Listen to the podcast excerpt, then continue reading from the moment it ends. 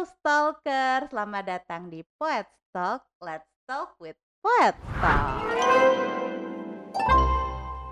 Oke, ini episode pertamanya Poet Talk. Uh, sebelumnya aku pernah podcast, namanya podcast Mak Strong dan udah hiatus selama satu tahun lebih say. Itu dibikin pada saat zaman corona tahun lalu. Setelah itu mati suri karena some problem lah dan abis itu aku keterima kuliah alhamdulillah uh, nerusin uh, eh, S2 dan setelah itu keasikan kuliah kayaknya ya jadi benar-benar tidak dilanjutkan podcastnya dan saat ini kita lanjutkan kembali tapi berubah nama dari podcast Mas Terang menjadi Poet Talk. Jadi kita sekarang ngobrol lebih general kalau dulu um, audiensku cuma emak-emak, sekarang kita bisa ngobrol apa aja uh, dan stalking apa aja, nggak cuman perihal ke emak-emak. Oke, okay, uh, untuk episode uh, pertama kita sebenarnya uh, narasumber kali ini masih emak-emak sih. Tapi emak-emak uh, kali ini kita bakal nggak akan membahas topik emak-emak, tapi lebih kepada apa ya, pengalaman dari seorang narasumber yang kece ini. Uh, eh, FYI, ini narasumber sibuk banget hari ini dia isi dua podcast. yang pertama jam 2 siang tadi dan yang kedua kali ini di Puestok. Langsung aja deh kita undang daripada aku kelamaan ngecapruk ya. Uh, ini dia Mbak Nurul Bahrul Ulum. Halo Mbak Nurul Bahrul Bahrul Ulum. Kita Wah, tadi Damang, ini influencer Bandung, Masya Allah. Masya Allah ya, sesuatu. Um, ini ya, by... mimpi gak ya diundang sama influencer Bandung, ya Allah. Kayaknya mimpi Mbak, soalnya ini udah jam 10 malam. Oh, enggak, iya. enggak, enggak. mimpi lah. Aku yang uh, subhanallah sekali ya bisa nyempil di antara jadwalnya uh, Mbak Nurul yang sangat super duper padat. Tadi siang ada podcast uh, sama salah satu lembaga lah ya. Lembaga kah Mbak itu? Ya itulah ya. Yeah. so tahu gue. Uh, terus uh, ini tadi kita sebenarnya janjian dari jam 8 cuman ada pending-pending sedikit karena uh, menurut kebetulan ada interview sama mahasiswa. Widih gile, jam terbang padat ya Bu ya. Bukan, karena pengangguran. Kok pengangguran? Habis uas kan, Jang. Kita habis uas. Oh iya benar-benar. Makanya aku iya. pilih hari ini karena kemarin kita masih deadline, Say. Ya kan? Iya. Sampai jam 12 malam lo masih mantengin laptop nggak sih? Bener banget. iya, iya, iya, iya. Nah ini Mbak Nurul ini salah satu temanku di kelas dan kita kemarin juga sempat satu kelompok ya di uh, kelompok, uh, gender equality dan social inclusion karena, uh, Mbak Nurul ini memang salah satu seorang aktivis perempuan. Nah, aku tuh kepengen tahu nih Mbak, uh, kenapa sih kok, uh, sampai akhirnya Mbak Nurul ini bisa aktif gitu, uh, di bidang gender dan keperempuanan. Hmm. Bisa nggak ceritain dulu, uh, mungkin latar belakangnya dari kecil tuh kayak gimana? Kayak podcast pagi gitu loh Mbak Nurul. Eh, Oke. Gimana coba cerita Mbak, cerita Mbak. Ya, kayaknya aku nggak terlalu penting banget gitu ya. uh, tapi ya mudah-mudahan bisa uh, ini ya, uh, ada sesuatu yang bisa didapat. Jadi yep. uh, sebetulnya kenapa aku mungkin kurang lebih udah berapa tahun ya sejak 2011 ya mulai hmm. mengenal dan aktif banget sih mulai 2015 itu benar-benar aktif di isu perempuan. Jadi aku kan lahir dari pelosok Gunung Garutnya, orang Sunda. Orang Sami, Salurus Mama, Sarang Anjen, Jeng, kayak Eh, Meni, eh, karena eh, itu bukan orang Cirebon, Sunda loh aslinya, saya. Agak lupa gitu. Ha. Uh, jadi aku tuh datang dari pelosok Garut gitu, yang itu okay. tuh rumahku tuh benar-benar di gunung loh. Oke. Okay. Jadi kalau mau ke rumahku itu mobil ketemu mobil yang satu harus berhenti dulu karena kanan tebing kiri jurang gitu yang okay, mengerikan. Okay, okay. Nah, hmm. uh, kebetulan kan marak banget yang namanya perkawinan anak. Oh. Jadi kalau ada anak perempuan yang punya keinginan aja nih ya, punya keinginan aja buat lanjutin kuliah, itu tuh sebuah keberanian untuk Keberanian. anak-anak heeh, di kampungku itu. Termasuk aku dulu, itu ngotot banget pengen kuliah gitu, meskipun sama orang tua, ya kamu nikah aja lah gitu, udah cukuplah pendidikan pesantren gitu. Apalagi kan aku hidup di lingkungan yang eh, kebetulan orang tuaku tuh kiai dan nyai kampung gitu.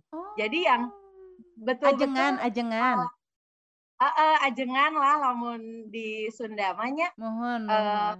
ini benar-benar hidup yang eh, di lingkungan di mana perkawinan narasi-narasi perkawinan anak, narasi-narasi eh, domestifikasi perempuan itu tuh dilangkangkan eh, dan dilembagakan oleh narasi-narasi agama gitu dan itu Hmm. dikonstruksi.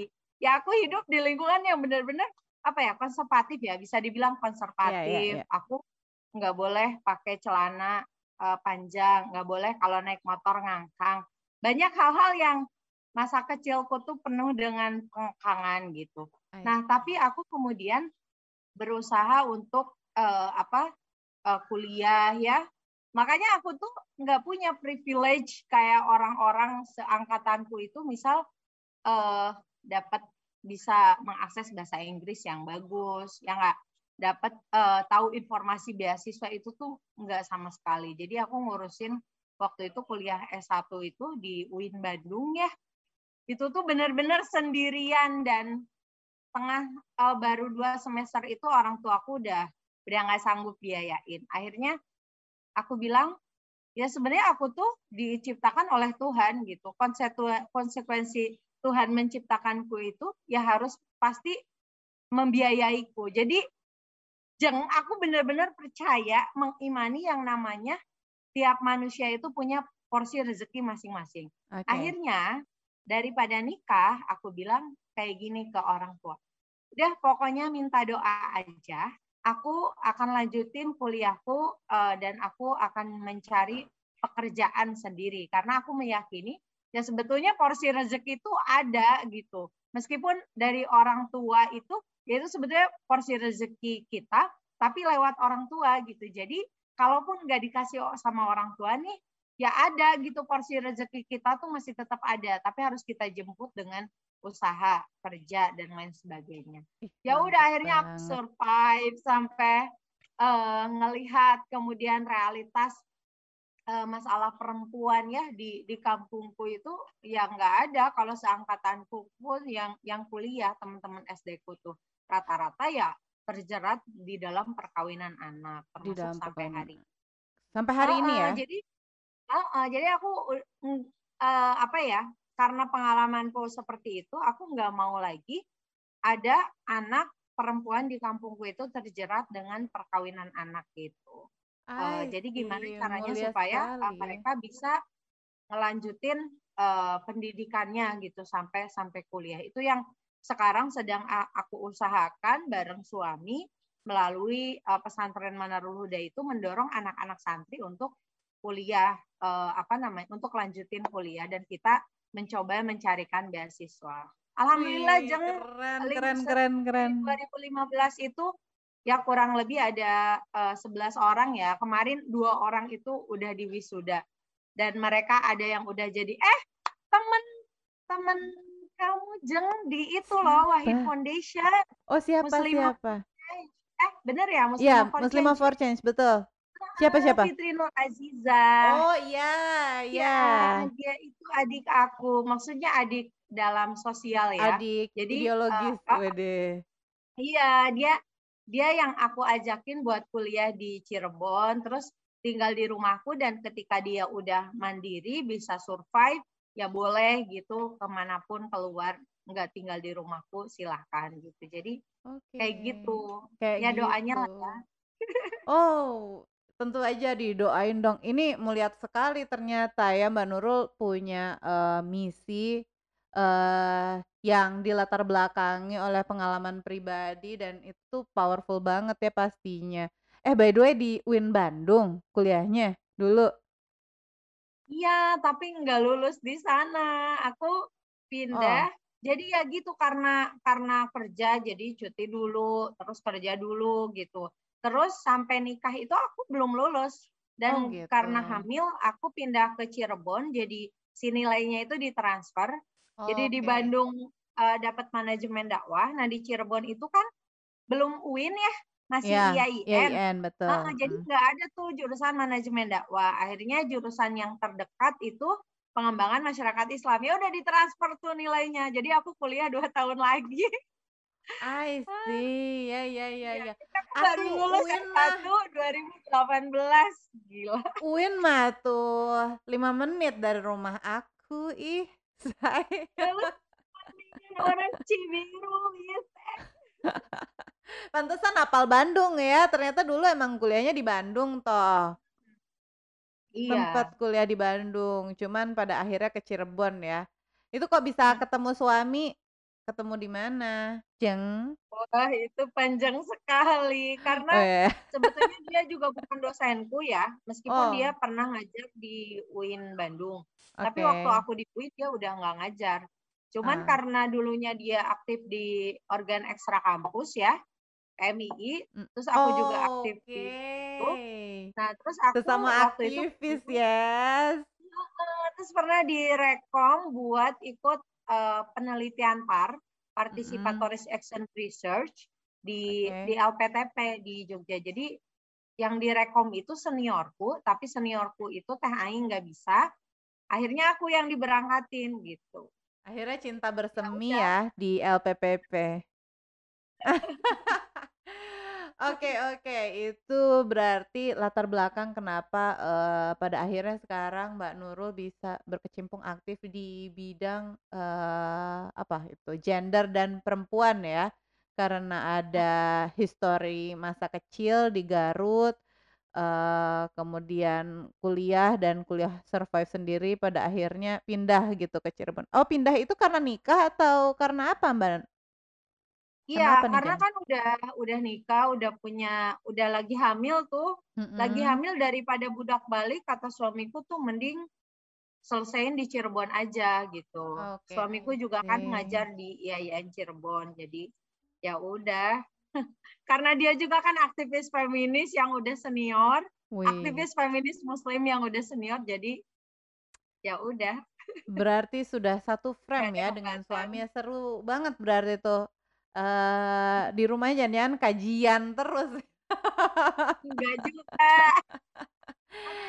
Aku rame banget sih dipakai aktivitas buat ini apa Cirebon feminis, Gus Durian dan lain sebagainya. Nah, itu tuh baru disebutin nih. Eh, Mbak Nurul ini founder ya dari Cirebon Feminis. Betul. Itu boleh nggak diceritain kenapa sih sampai akhirnya mendirikan itu apa sih? Itu komunitas atau apa tuh Mbak Nurul? Coba diceritain. Heeh, sebenarnya eh, kan kan kalau di Cirebon tuh ada banyak sebetulnya ya lembaga yang fokus di isu eh, perempuan, isu Kayaknya ya, kemanusiaan, aku gender. Punya beberapa teman yang alumni Wahid Foundation itu, a- bukan alumni Wahid Foundation, sorry, eh, acaranya Wahid, acara yang ha, di organizing oleh Wahid ha. yang namanya Muslimah for Change itu beberapa orang Cirebon ada dari ya termasuk itu yang tadi Mbak Nurul sebut Fitri Fitri itu ya, ya. Fatihah Yuliana ya nggak? Kayaknya emang eh, Cirebon ini kota tanda kutip kota feminis ya.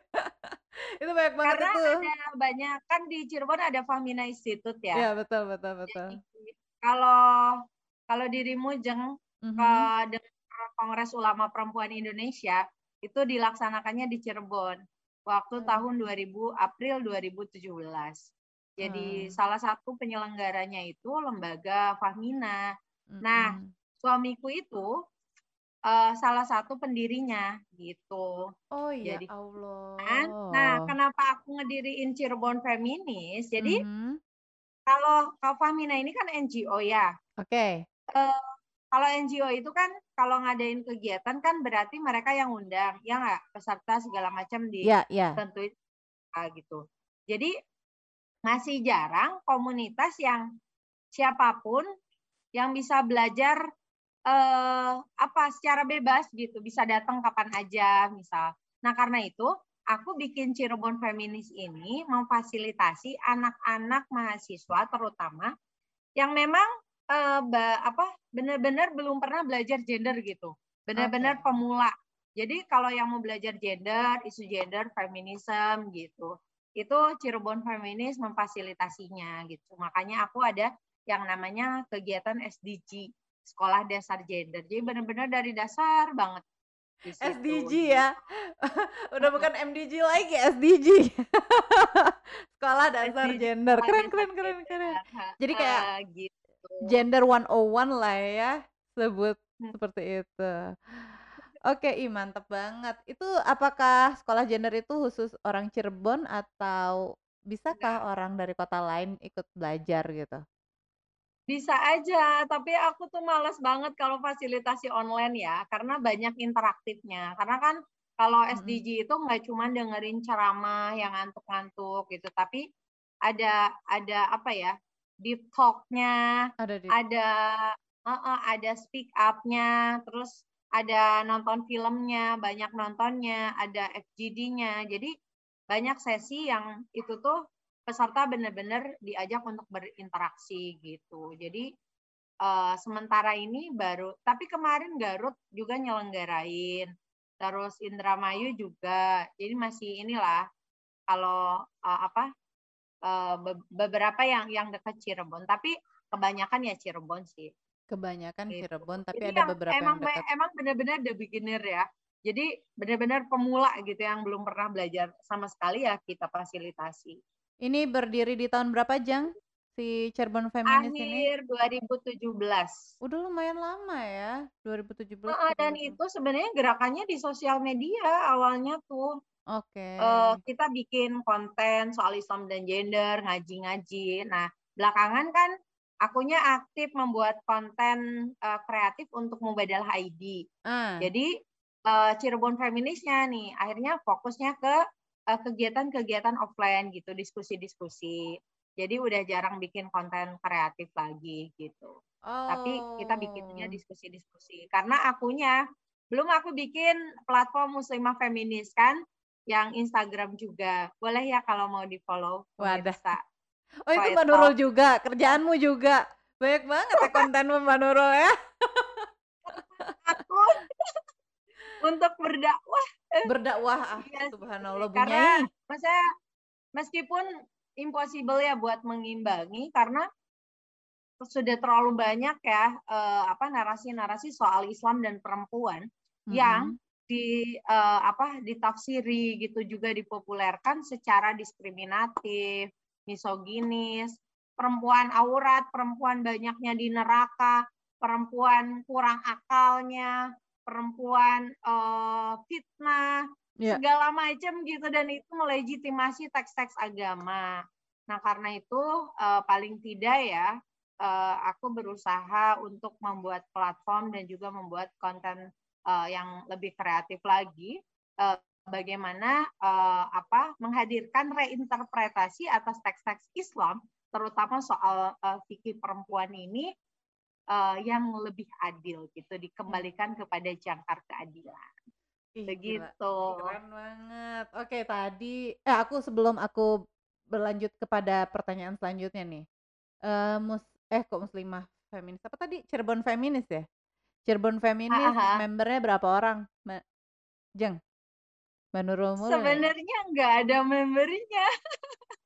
oh, tidak ada member paten ya? Yang gimana sih cara mau gabung gitu? Gimana sih cara mau gabung kayak gitu? Cuman emang aku bilang ya kalau kita ngadain acara ya gabung aja karena aku oh. uh, nggak tahu mungkin udah udah udah tua ya Jeng ya. Kita udah berapaan sih? Udah di tiga puluhan gitu. Jadi uh, apa udah uh, apa ya? Males gitu mengorganisir uh, anak-anak gitu. Jadi biarinlah uh, regenerasi aja gitu. Regenerasi aja. Ya. Jadi tidak. Tapi ada sih beberapa yang pengurus yang aktif. Oke, I see. Yang apa-apa lah yang penting mah uh, kegiatannya berjalan ya, Jeng ya. Uh, betul, betul, betul. Oke, nah uh, sekarang aku pengen geser ke Mubadalah nih. Sejak kapan hmm. masuk di Mubadalah dan sebagai apa tuh? uh, sebetulnya Mubadalah itu kan awalnya digagas oleh Kiai Dr. Kiai Fakih Abdul Qadir ya. Beliau salah satu uh, ulama perempuan di Indonesia. Jadi ulama perempuan itu bukan ulama yang berjenis kelamin perempuan, tapi ulama laki-laki maupun perempuan yang uh, ikut serta memperjuangkan atau punya keberpihakan uh, terhadap hak perempuan gitu. Okay. Uh, nah uh, Kiai Fakih ini punya gagasan uh, yang namanya mubadalah. Mubadalah itu kalau secara literal ya kesalingan, timbal balik, kayak gitu-gitulah. Uh, hmm. Cuman uh, kerennya Kiai Fakih ini mengkonseptualisasi uh, secara kom komprehensif ya mubadalah hmm. ini uh, dalam uh, buku Kiroah Mubadalah. Jadi ini bisa dipakai untuk membaca atau memaknai teks-teks hadis yang uh, cenderung rentan atau uh, banyak dimaknai secara misoginis tadi ya, membenci perempuan atau diskriminatif. Nah, lama-lama kan jadi gerakan nih. Hmm. Jadi awalnya tuh gagasan Kiai Fakih, terus lama-lama okay. jadi uh, uh, Kiai Fakih atau Kiai Husen sih? Ada Kiai Husen. Fakih. Kalau uh, uh, Kiai Fakih. Nah, kalau mubadalahnya sendiri ya itu Kiai Fakih, penggagasnya, okay. pendirinya. Nah, uh, gerakan awalnya itu memang dari uh, pelatihan nulis. Jadi menggait para penulis, mm -hmm. uh, melatih para penulis, lalu dikasih perspektif mubadalah gitu. Lalu mereka menjadi kontributor di mubadalah.id.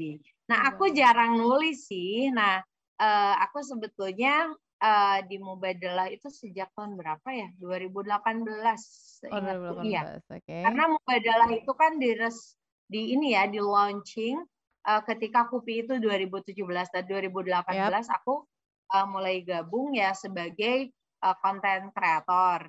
Jadi ngisi konten-konten di Instagramnya yang uh, semuanya itu based on uh, websitenya mubadalah.id. Okay. Nah, tapi selain itu uh, kita kan nggak cuman apa namanya ya nggak cuman media platform uh, media online gitu ya hmm. uh, tentang relasi uh, ya tentang keadilan relasi uh, tetapi juga ada seluruh media sosialnya ada terus banyak sekali program-program yang diselenggarakan sama uh, Mubadalah. Nah, salah satunya yang aku pegang adalah Talkshow This is Gender. Jadi oh. pernah nggak sih yang rame-rame This is Gender gitu di uh, yang punya sebelah gitu.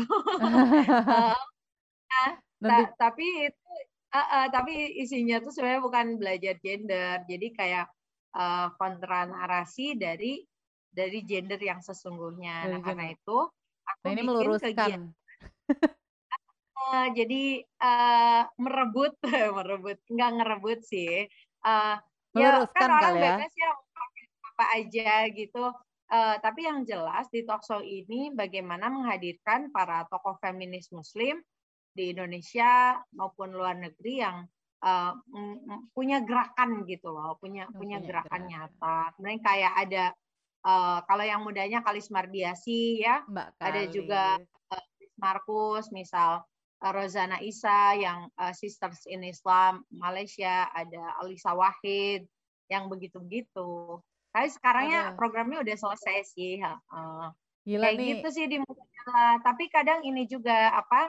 Jadi uh, jadi dulu ada beberapa orang yang memang dikader sama Kiai Fakih fokus mm-hmm. untuk dakwah mubadalah gitu. Jadi okay. misal aku juga berbagai kota ngisi uh, pelatihan tentang uh, perspektif mubadalah. Gimana sih kita yang nggak bukan expert ulumul hadis gitu atau ulumul tafsir, tapi kita juga bisa loh memaknai gitu teks-teks yang uh, kalau kita nemuin teks atau pernyataan ulama uh, tentang narasi Islam yang itu tadi yang cenderung diskriminatif gitu, tidak ada keadilan di dalamnya. Jadi pakai metode metode memaknai pakai mubadalah gitu. Keren jadi banget. jadi di mubadalah ya sampai sekarang sih Sampai sekarang, Bisa. uh, berarti ini ya, in charge di Mubadalah juga ya, Mbak Nurul? Iya, Jeng Nurul. Iya. Keren banyak banget ininya ya, uh, profesinya, profesi. Kan Ini pengangguran mah begitu, Jeng. Kalau misalnya di Bumadala tuh kayak ngantor gitu nggak sih? Atau ya tergantung kayak project gitu? Sebenarnya aku kalau yang profesionalnya itu bikin konten kreatif itu. Jadi Mhm. aku uh, uh, bikin konten kreatif itu. Kadang kalau di luar yang rutinnya nih ya, yang bulanannya itu aku sama Tia. Jadi aku sama Tia itu wajib banget tuh bulanan dan kita ya dibayar profesional gitu. Uh, bulanan harus ngisi konten uh, di Mubadalah ID yang itu tuh based on uh, websitenya Mubadalah. Jadi kita bikin desain lah video apa. Tapi di luar itu uh, kadang misal Mubadalah punya program apa, kita di hire buat jadi kayak moderator atau host yang programnya itu yang cuma beberapa bulan atau apa gitu. Jadi jadi yang apa yang bulanannya itu ngisi uh, Instagram, tapi yang selain itu juga banyak uh, ya ya banyak ya kadang moderator, kadang narasumber, kadang host gitu. Bisa jadi apa Iya, aja. iya, iya. Kadang Bener, bener, bener. ilustra ya aku ilustrasi itu juga sih website. Website. Kayak Pokoknya yang bagian desain itu udah deh urusan Jeng Nurul lah ya semuanya ya. Tapi itu kelihatan banget kan kalau misalnya kayak desainer gitu tuh punya ciri khas ya. Itu kelihatan ah ini Mbak Nurul banget nih. udah udah apa namanya bisa terlihat dari apa? Karakter kali ya. Apa sih disebutnya karakter ya? Kalau Iya, biasanya gitu punya tuh. apa sih ya, Hmm. punya sense sendiri-sendiri ya Iya, kalau iya. Aku ngelihat kalau misalnya lihat postingan-postingan Mubadala, wah ini karakternya Mbak Nurul banget nih ininya, Oh, gara-gara itu ya suka apa desain-desain PowerPoint tugas-tugas kita. Iya kan eh, udah beberapa kali ngelihat desain-desainnya Mbak Nurul kan biasanya kalau misalnya kayak desainer gitu punya pattern, bukan pattern apa ya? Karakter kali ya disebutnya ya kalau misalnya di dunia desain ya. Karakternya tuh udah terlihat ini Mbak Nurul banget nih Mubadala. Oke, well eh, tadi kita ngobrol tentang Cirebon feminis udah, di Mubadalah udah. Apalagi yang tadi aku mau nanya ya Mbak Nurul ya? Contekannya tadi. Oh, kemarin ini Apa? eh, Mbak Nurul habis ini ya eh, apa tuh ganti atau pasang KB ya? Kemarin aku lihat di Instagram. Ini kan kontennya Poet Oh, Talk nih. eh, jadi kita stalking tentang narasumber kita. Aku kan stalking Mbak Nurul gitu kemarin abis apa ganti ya? Apa tuh Mbak Heeh, Nurul? ganti terus pasang lagi. Ganti terus pasang lagi ya KB. Nah, itu eh, kan KB ini salah satu metode eh, reproduksi yang berhubungan Heeh. dengan kesehatan reproduksi perempuan nih biasanya. Ini eh, bisa cerita sedikit nggak tentang eh, mungkin pengalamannya Mbak Nurul karena aku sendiri jujur ini ini kita bahasan ibu-ibu banget ya. Eh, Iya, tidak iya. Nggak apa-apa. menggunakan eh, alat reproduksi apa pun, pakainya yang ini eh, koitus. Itu Apa? eh, Ajel ya, ajel. gimana gimana? Ajel. Hah? KB alami gitu ya. Oh iya iya betul betul betul. Iya, KB istilahnya alami. itu tuh ajel. Jadi si spermanya itu dikeluarin di luar. Iya betul betul. Iya Boleh nggak betul. sih ngomong kayak gini? Soalnya aku tuh ka- karena udah sering ya di kelas-kelas gender, edukasi, reproduksi, jadi biasa aja gitu ngomongin eh, Orang gender yang biasanya biasa aja kan ngobrolin yang kayak gini. Heeh. Nggak nggak yang apa namanya canggung-canggung gimana. Tapi memang kita harus Nah, nggak tabu sih. edukasi seksual itu kan perlu. Mungkin bisa diulas sedikit lah ya tentang kesehatan kesehatan reproduksi. Nggak usah Iya, panjang-panjang nanti eh? GSKS. Iya, heeh, kesehatan reproduksi. Itu penting banget ya yang namanya apalagi buat anak muda mengenali eh, ketubuhan yang eh, yang selama ini tuh dianggap tabu gitu. Hmm. Malah sebetulnya eh, apa pengenalan soal ketubuhan kita itu fungsinya, dampak-dampaknya, siklusnya, segala macam tek-tek bengeknya gitu harusnya tuh mulai dari SD gitu. SD malah Bahkan ya. aku tuh ke anak-anakku yang kayak Cua yang baru lima tahun gitu, Fadwa, aku udah udah ngasih tahu gitu. Kalau misal kalian nanti akan menstruasi, fungsi-fungsinya ini. Karena kan mereka kayak jijik banget ya ngelihat aku kalau nyuci darah haid misal.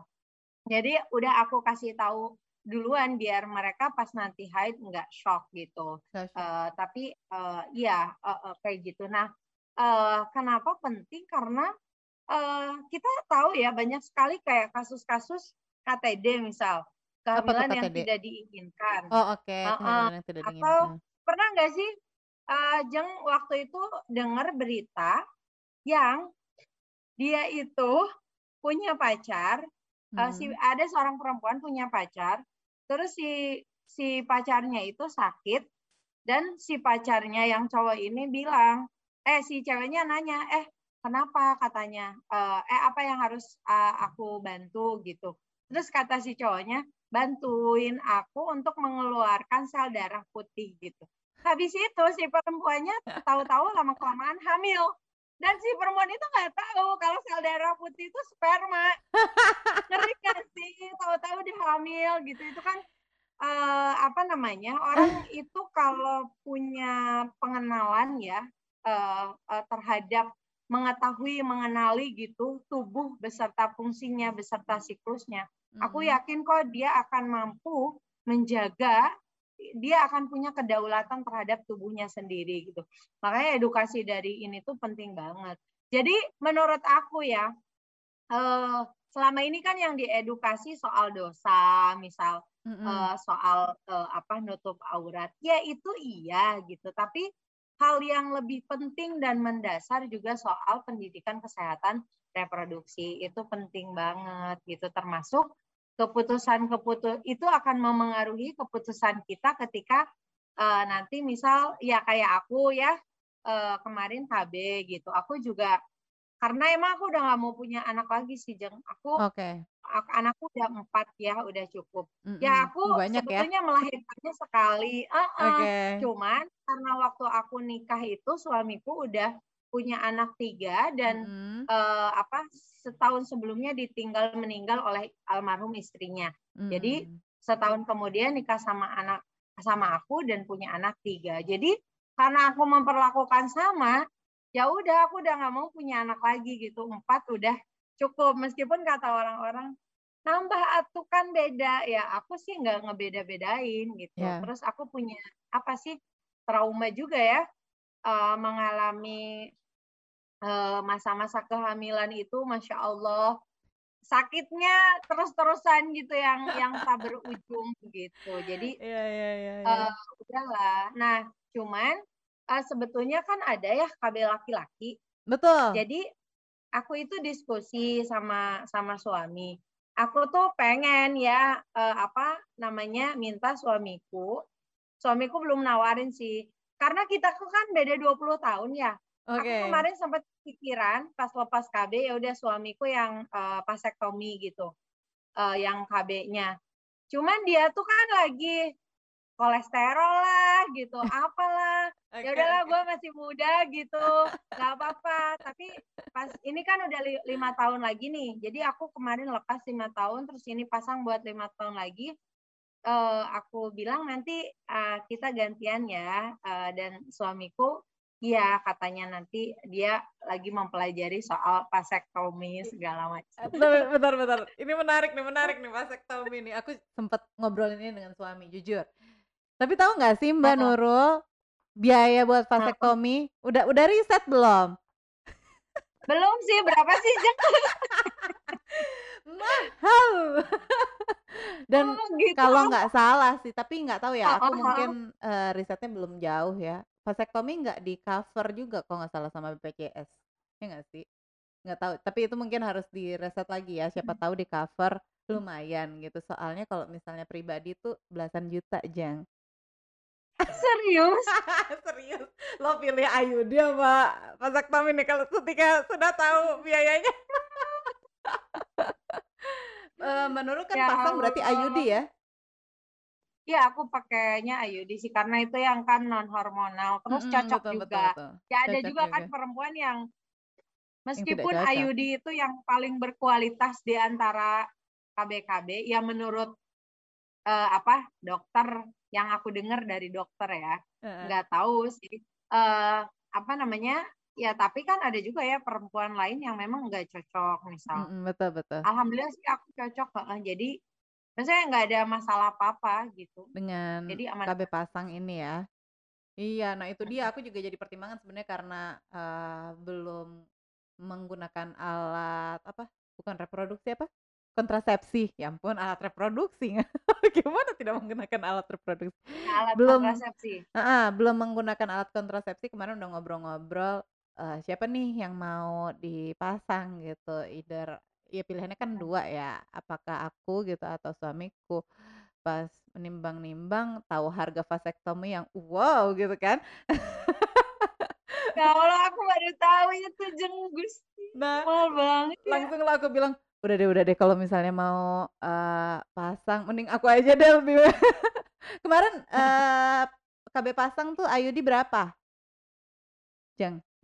Aku Eee, 8 lebih, 800 lebih. Ya kan harganya 800 mungkin sekitar sampai 1.000.000 lah ya, eee, mahal-mahalnya gitu aku pikir, Heeh. ya kan. Nggak nggak nggak terlalu jauh lah dari itu. Lah ini kan kalau Nggak nyampe vasek belasan. heeh, itu dia. Mikir lagi ya, ya udah deh aku aja deh yang pasang. Tapi nggak tahu mungkin nanti kalau misalnya udah jadi sultan kan ya beda lagi, ya udah deh lu fasek aja. Oke oke. Nggak tahu kita nanti lihat 5 tahun lagi ya. Heeh, bener bener, siapa tahu kan, eee, Mbak Nurul jadi Sultan Cirebon gitu kan, uh, Amin. amin. Duitnya Oke. kagak bakalan dipakai buat itu, kalau gue punya duit banyak gue bikin shelter buat menampung itu korban-korban KTD. Wih, ih keren banget itu idenya ya, korban-korban Itu tuh KTD. halusinasi aku, eh. Itu atas Aduh dasar aduh. apa kepengen bikin shelter itu? Ini baru keluar nih, di luar brief nih tadi nih, pengen bikin shelter Soalnya buat jadi korban Cirebon KTD. Feminis itu kan gara-gara sosial media itu ya, di sosmed Mhm. itu, ya sekarang ada kayaknya lebih dari 3, udah ada lebih-lebih dari 3 yang meneliti soal Cirebon Feminis. Makanya Oh. aku aneh banget Yang ketawa terakhir tadi ya sebelum kita podcast ini ya itu, meneliti tentang Cirebon Feminis Heeh. ya? Ada juga yang apa, eee, waktu itu Magister UI, Wih. meneliti Cirebon Feminis Mubadalah IID Muslimah Feminis, yang aku terlibat di dalamnya semuanya. Oh, Nah bener bener nah bener salah satunya nih dari ya selain itu ya, eee eee, apa namanya, eee, ken salah satu dam eee, apa ya, dampak positif dari, eee, eksisnya di media sosial gitu. Nah, itu banyak korban-korban yang curhat dan lapor ke Instagram. Gitu. Oh, oke. karena kita bukan lembaga pendampingan, kita berjejaring dengan lembaga-lembaga pendampingan. Nah, salah satu kasus yang sering aku temui di lapangan adalah kasus KTD, kehamilan yang tidak diinginkan. Atau bahasa kasarnya hamil di luar nikah. Jadi hamil di luar nikah tuh itu tuh udah kasar gitu. Jadi bahasa halusnya kehamilan yang tidak KTD. diinginkan atau kehamilan yang tidak dikehendaki KTD. Nah, eee, kalau orang ngalami KTD, karena kita di Indonesia ini masyarakatnya mayoritas cenderung ini ya, budayanya tuh blaming the victim gitu. Iya. Selalu menyalahkan korban. Jadi kalau ada orang yang, eee, mengalami KTD biasanya diapain, pasti kan dihujat, disingkirkan, didiskriminasi, dikucilkan, segala macam, seolah-olah dia tuh udah nggak usah hidup lagi gitu, nggak Mmm. udah nggak punya harapan masa depan lagi. Padahal yang ngehujat-hujat itu kan punya dosa juga, cuman beda aja gitu jenis, eee, dosanya. Dosanya ya. Nah karena iya kan? Mhm, betul Eee, nah betul. karena itu kalau kalau aku nemuin kasus kayak gitu, sepengalamanku ini kan sulit banget nyari lembaga yang memang, eee, menangani. Kan kan biasanya kan ada 2 pilihan ya, Mhm. eee, pro-choice atau pro-life gitu. Apa apa apa? Mau lanjut Coba. pro-choice atau pro-life. Oh, pro-choice atau pro-life, Heeh, oke. kalau orang mengalami KTD itu ya dia mau memilih apa, mau lanjut atau aborsi. Aborsi Oh. boleh enggak gitu dalam Islam ya. Nah. Nanti ini, eee, pemirsa Poetspark baca aja ya bukunya, eee, Nyai Dr. Maria Ulfah Ansor, judulnya Oke. Fikih Aborsi gitu.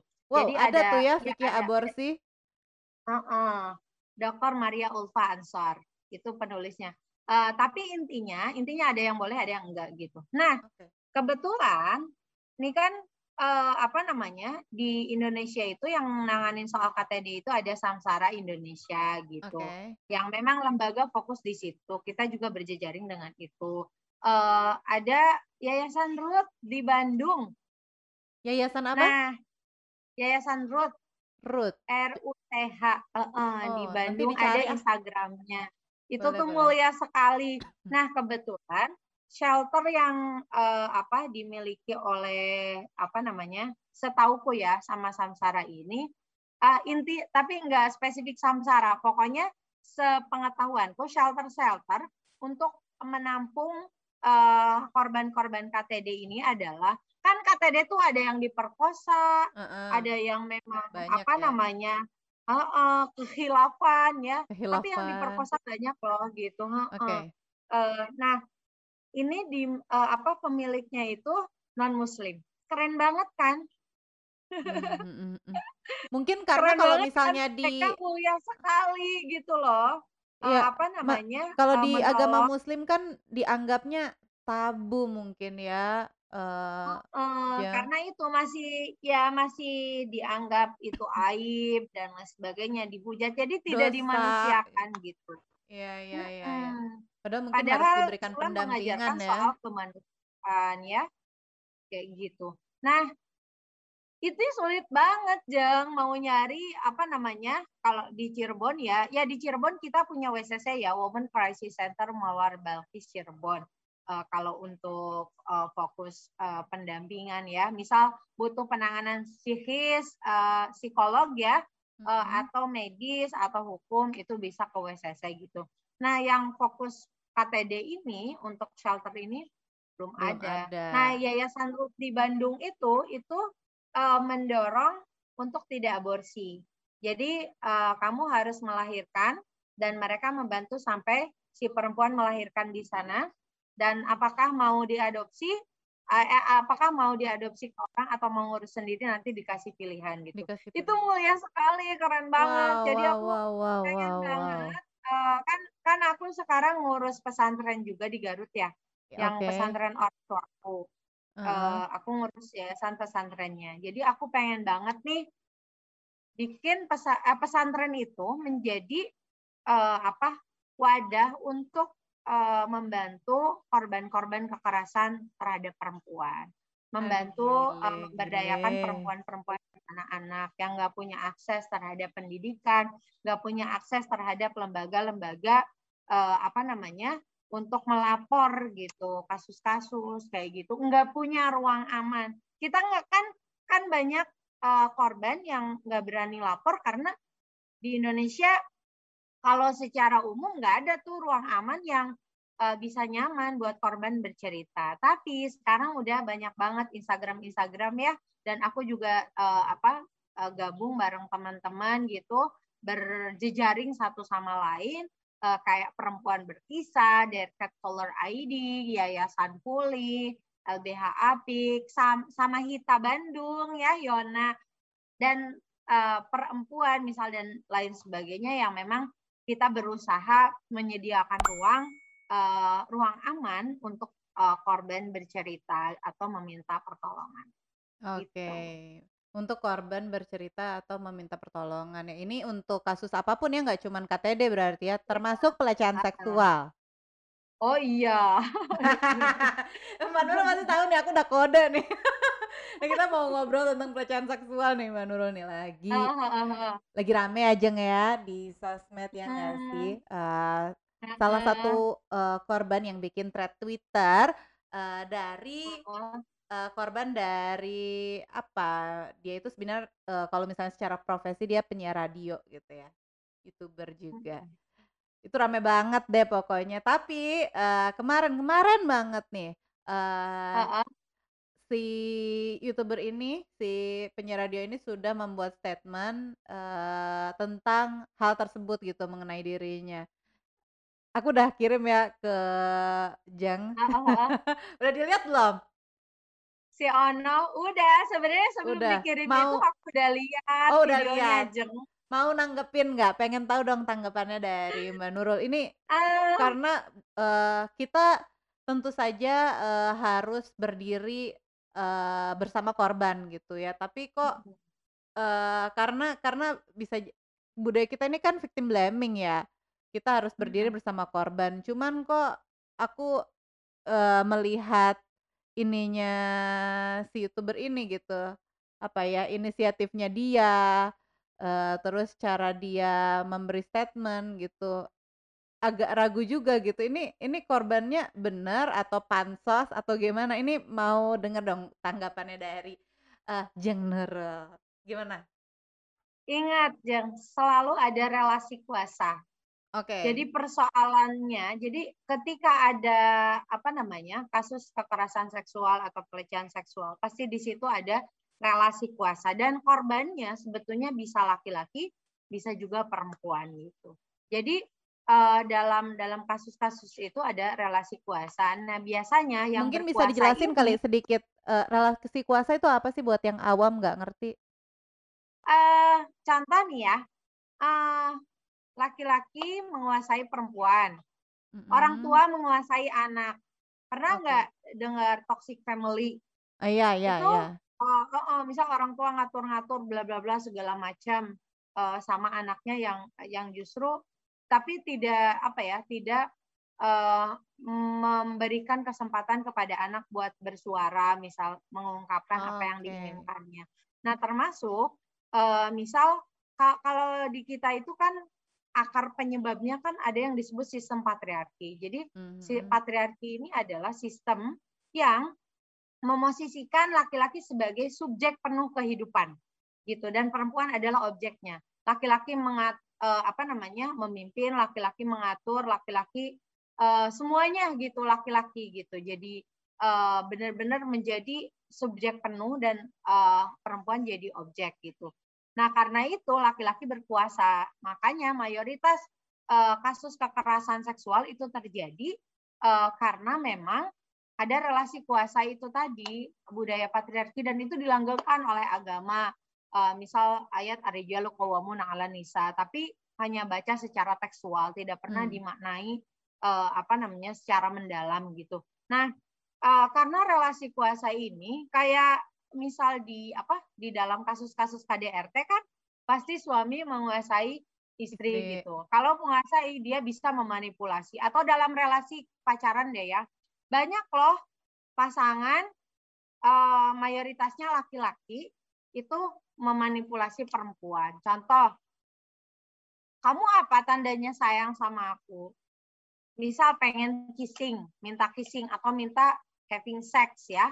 Mmm. Tapi si perempuannya tuh mau tapi kemauannya itu awalnya manipulasi dulu gitu. Nah, itu kan sudah sudah ada relasi kuasa gitu Relasi di situ. kuasa ya. Penguasaan uh, satu pihak terhadap uh, pihak lainnya gitu. Nah, termasuk di dalam kasus-kasus kekerasan seksual. Jadi kalau yang sekarang yang kemarin si Onoh yang YouTuber itu itu tuh sebenarnya sudah ada kasus-kasus sejenis ya kayak yang UGM, Agni ya. Heeh. Uh, iya kan? Mhm. Berakhirnya kayak gimana? Tetap aja nggak dapet uh, apa? Agni nggak nggak punya perlindungan hukum gitu. Padahal dia korban. Baik Nuril, Ya. padahal dia korban loh. Dia korban, betul Harus betul, Baik dijerat undang-undang ITE gitu. Mhm. Terus kasus kekerasan seksual di pesantren yang sekarang uh, apa namanya? Pernah dengar nggak? Forum Mujeres uh, Forum iya, Forum Santri Melawan Kekerasan Seksual. Jadi ada Oh. kasus uh, di Jombang santri diperkosa oleh gusnya, oleh anak kiainya. Dan belum Waduh. ditangkap sampai sekarang. Oh, iya? Serem banget. Itulah kuasa gitu di mana-mana termasuk si YouTuber Onoh itu. Jadi selama kita tidak punya sistem hukum yang berpihak terhadap korban, selama itu pula eh, para pelaku eh, dan predator-predator kekerasan seksual akan terus bergentayangan menurutku ya. Jadi upaya usaha upaya upaya-upaya yang bisa kita lakukan saat ini ya bagaimana memulihkan korban, mendampingi korban gitu kan. Itu yang Iya. digerakkan oleh Komnas Perempuan dan teman-teman gerakan lainnya gitu. Tapi aku nggak tahu Jadi baca di mana ya, Hmm. di Lambe Turah apa. Biasalah ya. Heeh. Say eee, gosip mah pasti ke situ kan.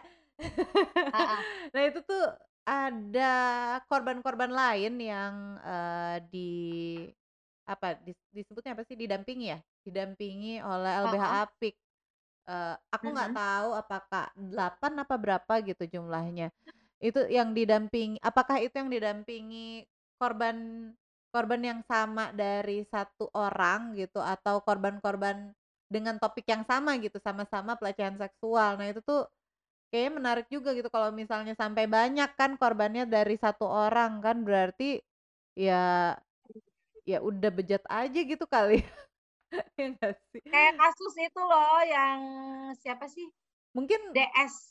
DS DS. itu loh yang dulu, itu banyak banget korbannya, yang Korbannya ya. modus itu loh, modus seminar, Oh eee, iya, modus eh tahu oh nggak inget sih? kan? Iya inget dong Modus inget dong. Itu kan, Mirip yang kan nge-up mirip kan? iya iya bener. Tapi itu akhirnya, itu kan yang ngelaporin tuh influencer juga tuh. Tahu tahu Heeh. tahu kan influencer-nya? Iya tahu tahu tahu. Dia tuh, eee, sempet, eee, nonaktif, eee, di sosmed alias nggak bisa jadi influencer karena kasus itu kan. Nah, Heeh. eee, pada saatnya pada akhirnya sekarang aktif lagi dan itu rame banget dia comeback gitu kan, eee, ke dunia sosmed lagi. Dengan apa ya, dengan kalimat dia minta maaf tapi, "Udah ya impas ya," dia sebut namanya Iya DS kan, itu. Jadi kayak itu. ada ini sebenarnya masalahnya kenapa sih, gimana sih, bikin penasaran gitu. Tapi dia kayak disuruh si influencer yang ngelaporin ini kayak disuruh buat ya udah deh lo minta maaf aja gitu. Ngerti nggak sih Mbak maksud aku Negeri ya apa? Wakanda gitu ya emang. Emang dah, jangankan, eee, apa namanya, pelaku pelecehan seksual atau kekerasan seksual dikasih panggung lagi, nggak dihukum.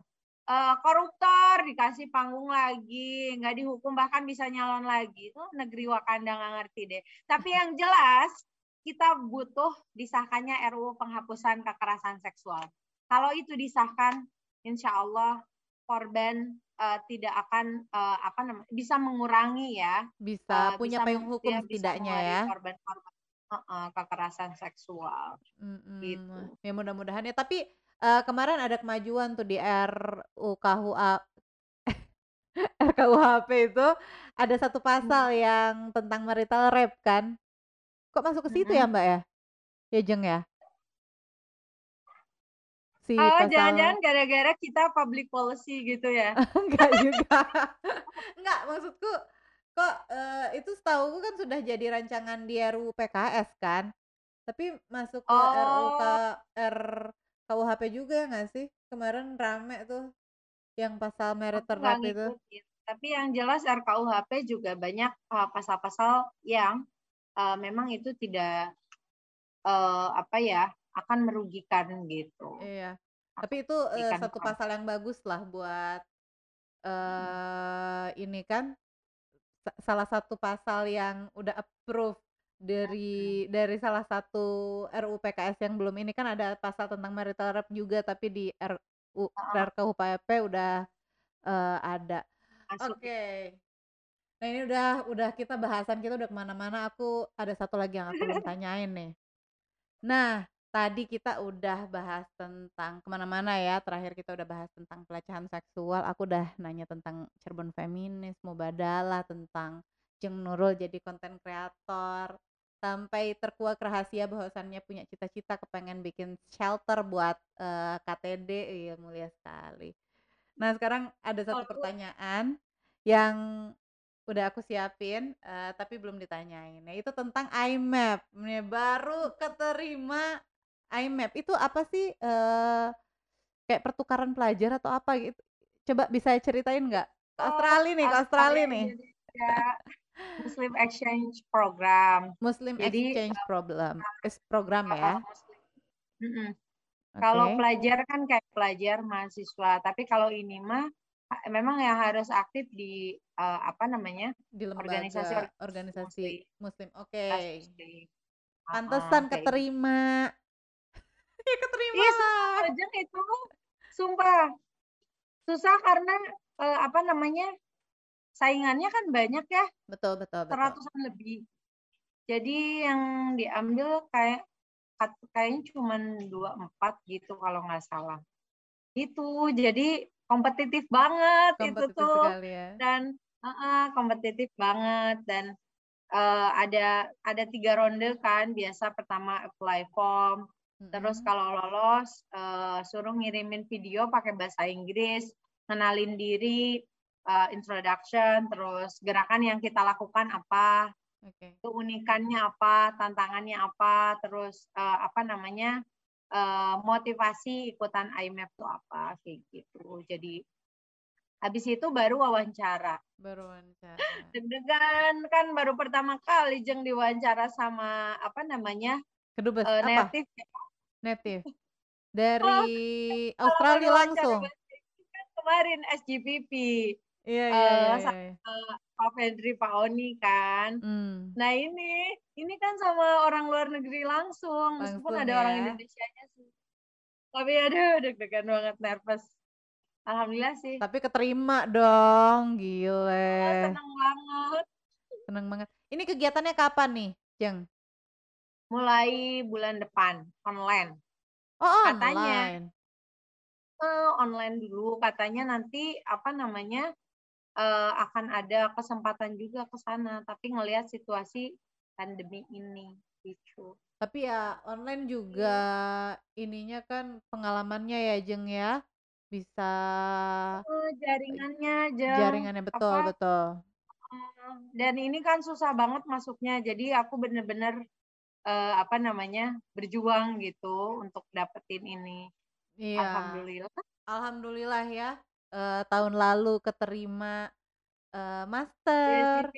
Tahun ini keterima IMAP, luar biasa. Tahun kayak depan hadiah berarti banget karena nggak punya basic bahasa Inggris kan jadi eh, ya tau lah ya di kelas juga kan aku eh, jadi introvert banget Ayo sama Mbak Nurul. silent doang tuh pendengar doang karena emang susah banget buat ngomong gitu kalau tanpa prepare. Apa apa harus prepare aku tuh kalau ngomong. Tapi jadi apalagi improve, bahasa ngerasa jadi improve banget nggak sih setelah eh, apa ya Iya, banyak dengar dan banyak interaksi in English heeh. gitu.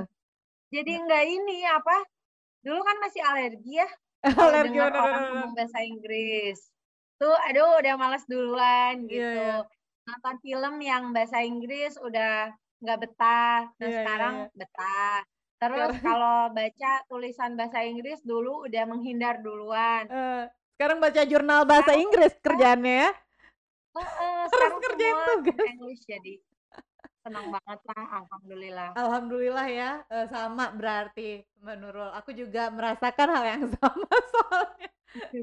Alhamdulillah ya SGPP membantu kita. tapi keren banget dirimu jeng aktif banget di kelas kalau diskusi-diskusi ya Allah aku gregetan banget pengen gitu ya kayak teman-temanku kayak dirimu yang eh, tapi Apaan? hanya bisa di hati saja Ih Mbak Nurul sering kali nanya, tapi pasti aku hafal nih Mbak Nurul. eh apa namanya ada imbuhan dulu di awalnya. Kalau gue kan eh ya udah nanya-nanya aja, tahu nggak sih? Gue kalau misalnya menanya di kelas tuh tekstual Mbak. Jadi ditulis dulu baru ditanyain. Biar nggak kelihatan ini gitu. Mbak Nurul juga sering kok nanya. Apalagi kalau misalnya ini apa namanya topiknya udah tentang gender dia sudah ini nih pasti nanya. jarang Kemarin juga. Oke. ya kebayang gak sih orang ekstrovert gitu yang tukang ngomong tiba-tiba dihadapkan sama situasi yang nggak bisa ngomong sama sekali gara-gara gue bahasa Inggrisnya amburadul harus banyak fillernya harus mikir dulu aduh ya Allah sakit Iya. Oke, ya, tapi alhamdulillah ya sekarang sudah membaik, pasti udah ngerjain paper berapa ratus halaman Mbak Nurul? dari dari dari semester kemarin setiap minggu 500 words. Oh, bukan halaman. Iya, Sorry, kalau 500 dikumpulin ada words, berapa 500 ratus ya Jeng ya words setiap minggu kan. Sekarang alhamdulillah ya kita udah mau tesis. Mudah-mudahan eh, studi kita lancar ya ke depannya. Nah, Tapi aku seneng loh, uh, apa namanya, di SCPP, karena aku kan remahan rengginang ya di sana, jadi ketemu orang-orang keren dan, uh, apa, kayak Mbak Poet ini, ya Allah, banyak influencer di kelas aku, jadi Kalau Jeng Nurul Remahan punya Rengginang, apa kabar gue ya? Apaan sih? Yang udah aktif di Mubadalah kan, terus di mana lagi tadi, Cirebon Feminis, Hmm, Muslimah biasalah. apa tadi, Muslimah apa, Mbak? Mah begitu. Muslimah feminis. Muslimah feminis, ya nggak Mhm. sih? Udah keterima IMAP, ya Allah, lu merendah banget sih, Jeng. Malah ada diwawancara sampai, apa namanya, penelitian udah ada 3 mahasiswa dari UI lagi. Itu keren lah, Jeng. Mudah-mudahan cita-citanya tadi yang bikin shelter tercapai ya, itu goal selanjutnya ya. Siapa Amin, tahu ya nih, Allah. ada, eee, pendengar Poet Talk yang mau jadi donatur, boleh loh. Jadi donatur buat bikin shelter-nya ya Mbak Allah. jadi, eee, lebih cepat tercapai mimpinya, Mmm. resolusi 2000 berapa, 2021 ya, siapa tahu. Pokoknya aku Amin ya. mendoakan, eee, semoga a semua gerakan ya sebenarnya, eee, kalau Jeng Nurul tuh gerakan ya, semua disebutnya ya. Mhm. Heeh, Iya. gerakan-gerakannya, eee, bisa memberikan banyak lebih banyak manfaat ke depannya dan itu terutama satu lagi tuh yang jadi cita-cita shelter mudah-mudahan tercapai ya. Amin, ya Allah. Amin, ya Bahasa pendengar Inggrisku semoga makin lancar ya, doain. Biar kayak biar kayak Mbak Poet nih, Waduh. keren banget. Eh, Apa? loh, apa namanya, eee eee nggak biasa. Ini e e ini e apa, extraordinary. Biasanya nih ya, yang punya acara itu followers-nya sedikit dan ngundang tamu yang banyak followers-nya supaya naikin acaranya. Ini mah yang punya acara naikin tamu yang diundang. Enggak Jadi aku makasih loh, Enggak eee, enggak enggak bisa enggak. apa, Aduh, diberkahi merendah ya, ya. Jeng Nurul ini ya. Jeng Nurul Bisa tuh ya diberkahi oleh influencer dari Bandung. Enggak lah, Gitu. enggak, eee, yang aku undang ke podcast-ku itu punya value Mbak Nurul. Jadi berarti Mbak Nurul punya value, weh. Iyalah punya value, Amin, gila. ya Allah. Value-nya, eee, value dan apa namanya, eee, misinya sangat-sangat mulia dan bermanfaat insyaallah. Amin. Oke, eee, nampaknya nih kita sudah larut. Enggak Biasa ya, kalau gibah mah nggak kerasa ya. Kalau gibah nggak kerasa. Ini padahal kalau misalnya kita gibah lagi sambil ngerjain tugas lebih lama lagi. Apalagi nungguin Bener yang, apa namanya, belum datang. Terima kasih banyak loh Jeng Nurul, eee, udah mau mampir, udah mau ngobrol dan dengan pemaparan-pemaparan yang berbobot. Gila emang kalau misalnya udah levelnya pembicara ya, eee, kosakata-kosakatanya berbeda gitu kan. Apalah gue eee, apa namanya, kosakata-kosakata Mbak Nurul tentang gender itu tadi, eee, sangat menguasai, keren keren. Pokoknya terima kasih banyak Mbak Nurul, banyak banget pengetahuan baru, eee, yang bisa diambil, eee, baik oleh aku sendiri maupun mudah-mudahan ya oleh pendengar Poet Talk semuanya. Doain juga ya Mbak, eee, Jeng, mudah-mudahan, eee, podcast-nya Amin, semakin besar. semakin cetar membahana badai ya. Kalau dulu Ah. kita tuh ini, eee, tagline-nya, eee, apa namanya, Apa? podcast-nya emak-emak yang strong, kinclong, cucok meong dulu. Waktu masih podcast emak Oke. Pokoknya harus cucok meong. Keren-keren itu Sekarang followers-nya. Itu jamaahnya juga banyak banget ya, keren banget sih. Kalau sekarang, eee, kita, eee, kepengen aku kepengen ini, let's talk with Poet Talk. Jadi mau stalking, eee, lebih dalam narasumber-narasumber yang ini. Nanti aku bakal banyak undang teman-teman kelas sih pastinya, karena teman-teman kelas kita keren-keren ya nggak sih? Iya, ya Allah, makanya aku bilang remahan rengginang di sana Enggak lah, Mbak Nurul nggak remah rengginang, sudah mampir di episode 1 Poet Talk berarti sesuatu sih. Oke, terima Asik. kasih sekali lagi uh, buat Jeng Nurul, Mbak Nurul Bahrul Urum yang sudah meluangkan waktunya di Poet Talk. Uh, kayaknya aku mau uh, pamit setelah ini. Eh, aku mau aku punya closing statement. Oh iya, aku lupa mau nanya closing statement. Apa nih uh, closing statement dari Jeng Nurul? Kemajuan Buat... bangsa itu tergantung pada kemajuan perempuan. Wih, kemajuan banget. perempuan itu bergantung pada sejauh mana pelibatan atau melibatkan uh, perempuan uh, di dalam uh, apa pun ya, di dalam seluruh aspek kehidupan ini. Karena itu, tanpa uh, gerakan perempuan dan tanpa gerakan eh, karena itu tidak ada kemajuan perempuan tanpa gerakan kamu semua, kita semua, aku, kamu dan kita semua mulai hari ini. Uh, yang uh, apa selain itu, jika uh, kita meyakini, saya juga meyakini bahwa Allah itu maha adil. Uh, Rasul itu adil karena itu seluruh kalamullah dan juga uh, apa namanya misi yang dibawa Rasul itu keseluruhannya adil untuk laki-laki dan perempuan. Karena itu, jika ada ketidakadilan, ingat, jika ada ketidakadilan mengatasnamakan Islam atau membawa-bawa Allah dan Rasul, membawa-bawa Al-Quran dan hadis, maka itu sudah pasti bukan dari Allah dan Rasul, tetapi itu dari manusia. Karena itu tugas kita bersama adalah bagaimana sama-sama mengembalikan uh, Islam, pemaknaan Islam terhadap jangkar kepada jangkar keadilan, termasuk keadilan untuk laki-laki dan perempuan. Sukses untuk Quiet Talks. Terima kasih. Wassalamualaikum warahmatullahi wabarakatuh. Waalaikumsalam Bye. warahmatullahi wabarakatuh. Wah, closing statementnya benar-benar bermakna ya. Kemajuan sebuah bangsa uh, bergantung kepada kemajuan perempuan dan kemajuan perempuan tidak akan terjadi kalau misalnya aku, kamu dan kita semua turut bergerak. Wih, keren keren keren keren keren. Uh, terima kasih uh, sekali lagi buat Cing Nurul, Mbak Nurul. Sama-sama.